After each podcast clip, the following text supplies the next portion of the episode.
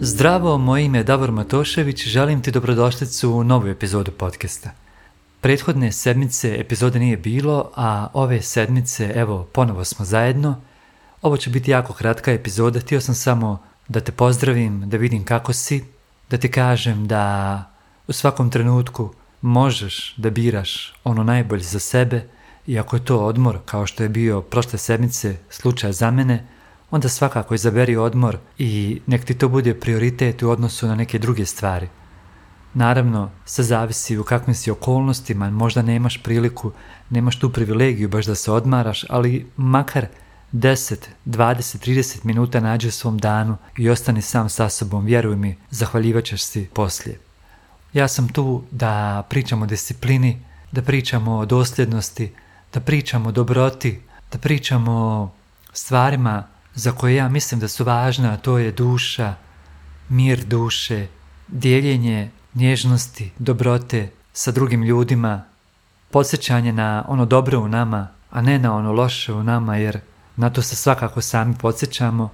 Baš sam neki dan pročitao gotivnu priču koja kaže da je profesor jedan podijelio učenicima prazan list papira i rekao im da opišu ono što vide na tom listu papira.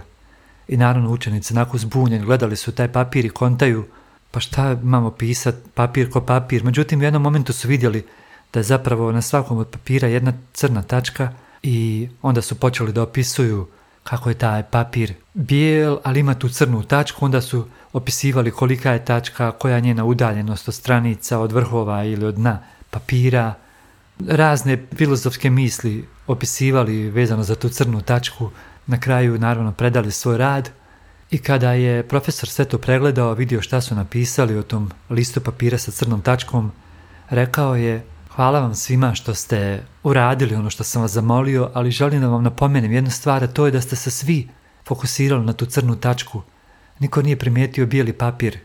I svi ste pisali o to crnoj maloj tačkici, a bijeli papir je ostao nezamječan. Time je htio reći kako i u životu, ako nam se desi deset lijepih stvari, jedna ružna, mi cijeli svoj fokus stavimo na tu jednu ružnu stvar. I zato mislim da je mnogo važnije da se podsjećamo na dobre stvari, zato što već na ružne i raznoraznih razloga već stavljamo previše fokusa. Danas želim da ti poručim da šta god da si bio u prošlosti, šta god da si radio u prošlosti, šta god da si radila u prošlosti, šta god da si osjećao ili osjećala, danas to više ne postoji, to iza tebe, postoji samo u tvojoj glavi, ti se biraš držati za to, a zapravo jedino što imaš je danas i ono vrijeme koje je ispred tebe. I sad te pitam što želiš da uradiš sa tim vremenom koje ti je ostalo, jer ne znaš koliko ti je ostalo, možda ti je ostalo mjesec, sedam dana, možda godina, možda deset godina, možda jedan cijeli životni vijek, ali to sad nije važno, važno je kako želiš da iskoristiš te dane ispred sebe.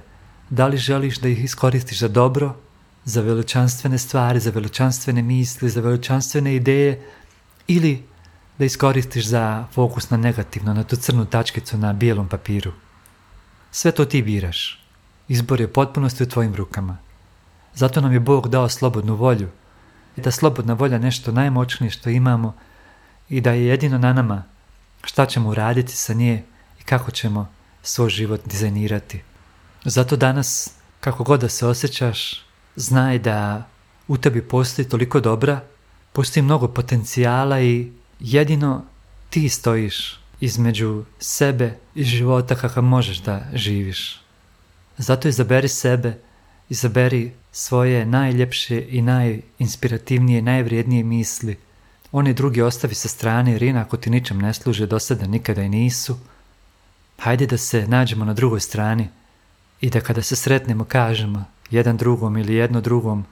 Svaka čast stari ono što si mi rekao ili rekla i bilo baš pravo što sam trebao čuti u tom momentu. Baš to mi je tada trebalo da se sa dna popnem na jedan viši nivo, na jednu planinu, jedno malo brdo i da svijet pogledam iz jedne mnogo šire perspektive, mnogo svjetlije perspektive. Puno te pozdravljam, hvala ti što si poslušao ili poslušala ovu epizodu. Čujemo se opet u narednoj epizodi.